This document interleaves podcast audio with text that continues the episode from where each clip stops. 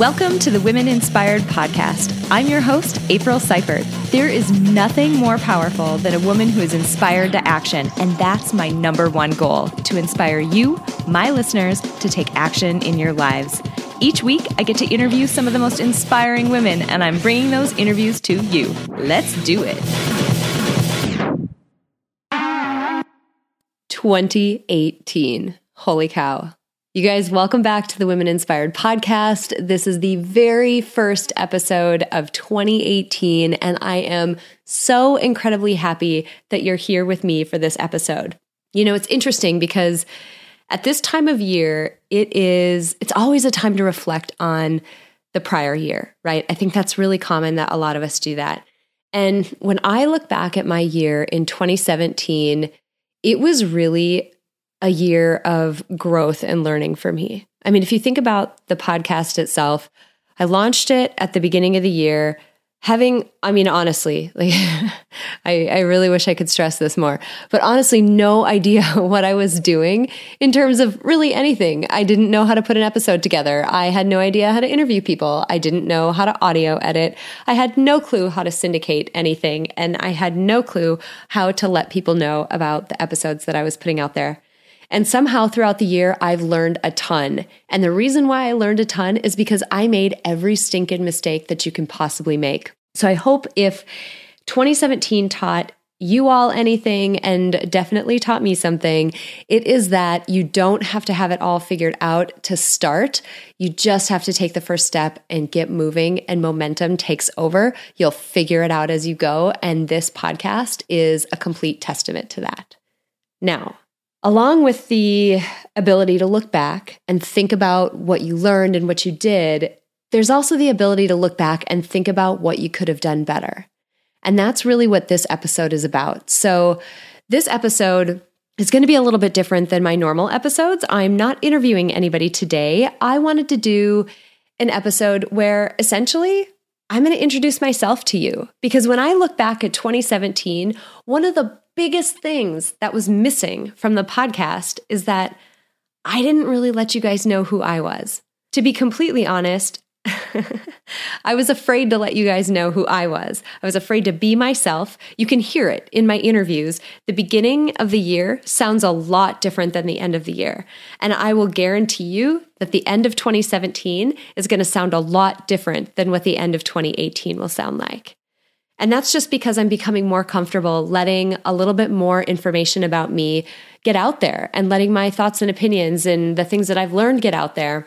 And I'm going to do that better in 2018. So, one of my goals is to be a little bit more open with all of you. I mean, ultimately, I ask myself, how in the heck can I expect people to follow me week after week and listen to these interviews and, and really give a shit about this podcast if I'm not letting them know who in the heck that I am? I mean, that's just not fair. That's asking somebody to be in a one sided friendship, and that completely sucks. So let's kick this off right with an apology. I'm sorry to all of you who have followed me throughout the year. I'm sorry that I didn't give you that opportunity, and I'm sorry that I haven't been more open. And 2018, one of the things that I am vowing to do is just that be more open with all of you. So, that's what this episode is about. I want you to know a little bit about me, and in particular, some of the things that I've talked about in episodes in 2017 uh, really centers around this idea that I am a complete life experience junkie. I'm so passionate about people making the most of every single day and people going after the things that they want to go after because ultimately, and I firmly believe this, we get one shot at this life and it's incredibly short. And so the time that we spend here, what we spend it doing, and who we spend it with is critically important. It is so important. And I learned that lesson firsthand. And so that's what I want to talk to you a little bit about today. So to start, let's go way back. When I was a kid, I had a very normal life for quite some time. Uh, normal family, middle class, grew up in the Midwest, nothing really surprising or interesting um, or no- noteworthy about us. Uh, all of that began to change when I was about five or six years old. Uh, my dad was diagnosed with colon cancer. And at the time, apparently, you know, I guess looking back, I've learned that he had had symptoms for quite a while that he basically ignored. And unfortunately, when you ignore cancer symptoms, it gives the cancer a head start. And so my dad um, entered treatment when I was about six years old and entered some pretty aggressive treatment. Went through treatment for five years. I watched all of that firsthand. My parents never hid anything from us, uh, for better or worse. We knew almost everything that was going on while my dad uh, was going through treatment. We knew when he wasn't doing well. We knew what the scans were coming back showing. We knew when he had surgeries, um, when they were going to try something different, when it was working, and when it wasn't. We also saw uh, the physical changes that came with a person who was progressing throughout that disease. And for those of you who have either gone through it yourselves or have watched a close friend or family member go through it, you know what I'm talking about here. It's a pretty um it's a pretty shocking thing to watch somebody you love go through a condition like that. Ultimately, when I was 11 years old, my dad uh, lost his fight with cancer and he passed away. And that was a really big, I don't even think I need to say it, but that was a really big turning point for my family because we went from being, you know, a, a normal family in my mind, like whatever quote unquote normal was, like whatever an 11 year old kid would conceive of as normal, we were that in my mind. And now all of a sudden we were different. And the other thing I had to start confronting was the fact that death and mortality and disease and you know health issues are not something that is reserved for other people to go through. This is something that hit my direct family and something that impacted us in you know the most significant way. And that was a giant realization for me that holy shit my dad isn't going to be here any longer.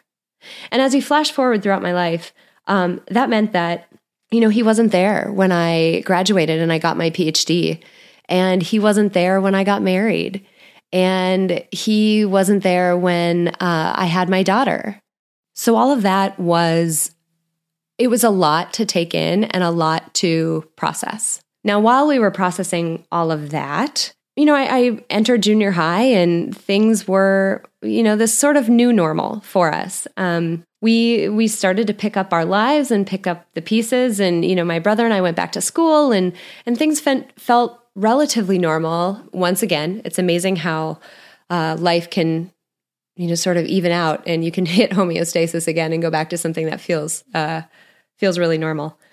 But then i started to get sick and it was weird. It was like it was a really weird sick. So um, i started experiencing a lot of numbness in my body and sort of tingling feelings. Like if you sat on your leg sort of in a crooked way a little bit too long and your foot fell asleep there was some of that feeling uh, I noticed that when I would smile, I could only smile with half of my face. Half of my face felt paralyzed. Um, bunch of different, just really weird symptoms like that. And I remember at one point we went to the doctor because I couldn't feel half of my body. Like literally, it was as if you had drawn a line perfectly down the midpoint of my body. I couldn't feel it. My mom took me to the doctor, and uh, they basically said, Oh, well, okay, her dad passed away relatively recently. People go through grief in these really strange ways. She's probably just attention seeking. It's probably nothing. Go ahead, go home. It's no big deal. I mean, it's really not that doctor's fault because, yes, that stuff does happen and whatever, but that was not what was happening with me. Um, flash forward a couple of uh, years, I was in school, and something you need to know about me at the time is that I was painfully shy. Like, wanted to die if people noticed me shy, would have given anything to just be transparent and have no one see me and just be able to move through life without being noticed, would have just been wonderful at the time. But here I was having these really weird neurological symptoms where I wasn't able to walk very well. Uh, mostly was the thing that people could tell at the time. Um, and I remember one day, another turning point in my life, I was you know, switching classes. I think I was in junior high or maybe I was a freshman or something like that. Switching classes and I had to walk down the stairs to go to my locker. And instead of walking down the stairs, I fell down the stairs. and again, for a you know, for a girl who at the time was so just painfully incredibly shy, that was a really embarrassing just just awful moment for me. Um, I picked myself up. I took myself to the principal's office and I asked to call my mom. So my mom came and got me that day. She took me to the ER because obviously this was not attention seeking. I would never have thrown myself down a flight of stairs at school. I, there was nothing that would have made me do that uh, intentionally. And so we, she took me to the ER, and I remember sitting on the table in the ER, and the doctor said, "Lift your foot up," and he pointed at my foot. And so I just like lifted my leg up, and he said, "Nope, don't lift your don't lift your whole leg up. I want you to leave your heel on the ground, and I want you to lift your toes up." And I couldn't do it. Like I flat out couldn't do it. And it was the first time that I realized that the issues I was having walking were because I was partially paralyzed. It literally didn't occur to me that that's what the problem was. So the doctor sent us up to neurology. Uh, that I'll skip a whole bunch of this, but that fired off uh, about a year and a half of a ton of tests. I mean, you name it. MRIs, spinal taps, more blood tests than I can even describe, um, EEGs where they had to glue electrodes to my head and I had to do all this crazy stuff. And ultimately, I was sitting in front of one of my doctors and he said, Here's the deal. We're not getting any definitive answers on this, but the only thing that I can think of that this might be is multiple sclerosis. And the only way we're going to know whether that's what it is is if we put you in treatment and it works. So I think we should put you in treatment and I think we should see what happens. But the kicker, I mean, it seems like, you know, it's a really easy decision to make, right? I mean, just like go go take medicine and see if you get better.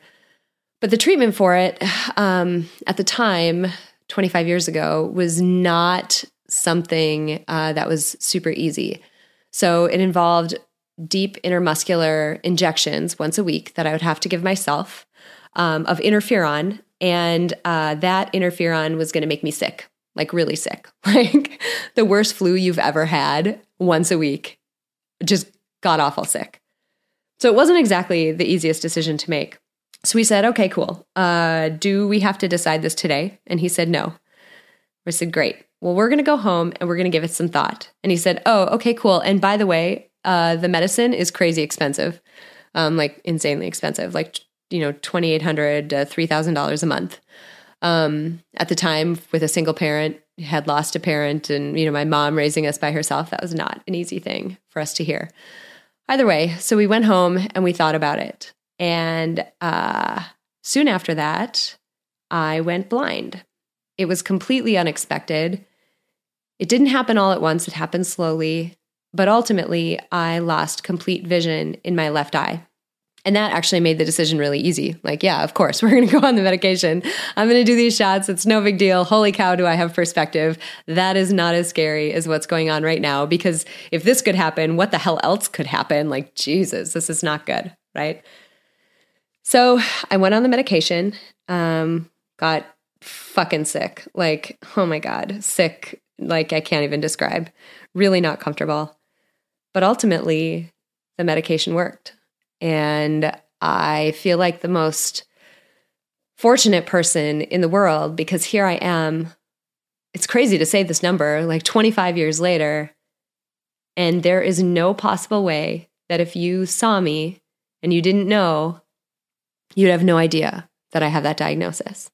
And it's, you know, if you kind of put these two pieces together, you know, watching my dad get sick and ultimately seeing him pass away, and then seeing my own health fail me and seeing what life is like when you don't have the gift of health and the gift of a healthy body, it completely changed my perspective.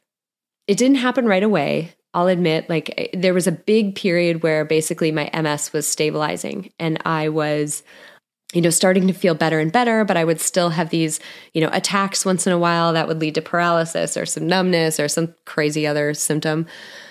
But ultimately, in graduate school, I was doing extremely well, and I hadn't had an attack or an exacerbation in years. And I can't put my finger on what it was. But one day, my dad's face popped into my head. And then I started to think about, you know, myself and how difficult life was when I wasn't able to walk and when I couldn't see.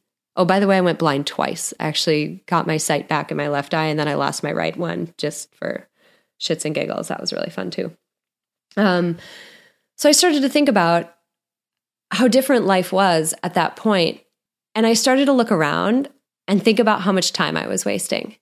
Yes, I was in graduate school. Yes, I was chasing a goal that I had, but there was so much out there that I wanted to do, and I wasn't doing it because I was still afraid of what other people were going to think. And I was still afraid of whether I would fail and whether it was something that I actually could do. And ultimately, I thought to myself, well, who gives a fuck? Like, who gives a fuck what other people think? Who gives a fuck whether I fail? Who gives a fuck whether I can't do something perfectly? What matters is that I'm out there trying and that I'm out there experiencing things because, and here was the just groundbreaking revelation for me. What would my dad give for the day that I'm wasting today? And what would I, back when I was not healthy at all, what would I have given for the day that I'm wasting today? And everything changed. All of a sudden, by focusing on the fact that life is short, that your health is fleeting. If you haven't had a diagnosis yet, I'm sorry to break it to you, you will someday. Something will happen to you someday. It happens to all of us. It's because we're human, you know? Ultimately, we're all going to go down that path, and we all have this amazing gift of this one lifetime. We don't know how long or short that's going to be. We don't know when we're going to have what abilities at what time. But all I knew is right now, I am healthy and I am here. And I'm going to fricking take advantage of that to the utmost degree. And I stopped caring what other people thought and whether I was going to do something perfectly. All of a sudden, by coming to terms with this thing that should be just absolutely terrifying for people, right? You're to die someday. You're to get sick someday. That day could be tomorrow. Holy crap, that's scary. In my mind, it wasn't scary. In my mind, it was the most liberating, motivating thing because all of the sudden, I could live unlicensed. I had the perspective that I needed to just throw away all of those fears that I had before and say, you know what? I'm going to do this stuff anyway because it's something that I want to do and it is a fulfilling thing for me. And that is what matters. And so I tell you all of this because so many times in this podcast already, You've heard me talk to guest after guest after guest who have quit their jobs or tried a new activity or branched out and tried something new, or people who have fallen on their face or been through adversity or any of these things and more. You've heard me talk to dozens of guests, and I've said very similar things over and over. It is amazing that you saw an area of your life where there was friction and you made a change. You didn't just stay in that rut that you were in. You recognized that you could make a change and that it was important and you did it. This is why. Those life experiences are why I'm so passionate about that and why I've been drilling that into your heads for a year now. And you've heard me talk about you know, guests who have thrown caution to the wind and it doesn't matter if they're afraid. They've done stuff anyway. They've taken the first step and then the second one and then they've looked around and all of a sudden the third one looks clearer than it did when they started. Great. Take that third step, take that fourth step. You don't have to have it all figured out. And the reason why I'm so passionate about that is because of those couple of stories I just shared with you. Because ultimately, it doesn't fucking matter. It doesn't. What matters is you are here now. What matters is you have abilities now. Even if you have a diagnosis like I do, I don't have perfect physical capabilities. There are definitely some small limitations that I have, but you can bet your ass I'm going to work around them. And I'm going to do everything I can every single day to get as much out of this life as I possibly can. So, if there's one thing I want you to take away from this episode, as I've ranted at you this entire time, I want you to take away this notion that your life is precious. Your life is so precious. You don't need to have a diagnosis slapped on you. You don't need to watch somebody pass away, although unfortunately, we probably all have. You don't need to have these massive life experiences to realize how precious the single day that you have today is. Because tomorrow you're going to wake up and it's going to be over. You're not going to get it again. So, I wanted to give you a little bit of a background on me and why these topics that I've been talking to you about for a year now are so incredibly precious to me and why I'm so passionate about it and why I'm urging you so much to pay attention to that little voice in your head. You know, that voice that taps you on the shoulder once in a while and says, I'm still here. I still exist and I still want to do this thing. That little voice that says, God, go talk to the person, travel to the place, quit the job, try the hobby. Jesus, it doesn't matter. It doesn't. Live unlicensed. I'm going to talk about this a little bit more in next week's episode. Yeah, you're going to get one more episode where I'm going to blather at you, but I'm going to talk about that notion a little bit more next week because it's important and I want to dive into it. Exactly what I mean by um, this life being precious and how you can use that notion to help you get over some of the barriers that you might be experiencing in your life. But for today, my biggest goal was to give you a little bit of a glimpse behind the curtain and get to know me a little bit better. So, hi, I'm April. I'm the host of the Women Inspired podcast. I've had a crazy ass life. And all of that has led me to this point where I am so damn passionate about living my life to the fullest and I'm so passionate about helping you do the same. So I hope you'll join me for 2018. It is going to be a crazy, amazing year, and I can't wait. Until next time, have an inspiring week.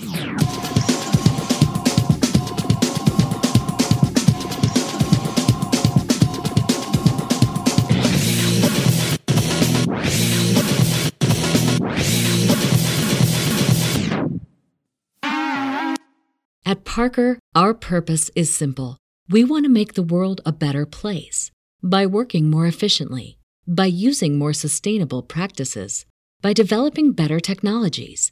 We keep moving forward. With each new idea, innovation, and partnership, we're one step closer to fulfilling our purpose every single day. To find out more, visit parker.com/purpose. Parker, engineering your success.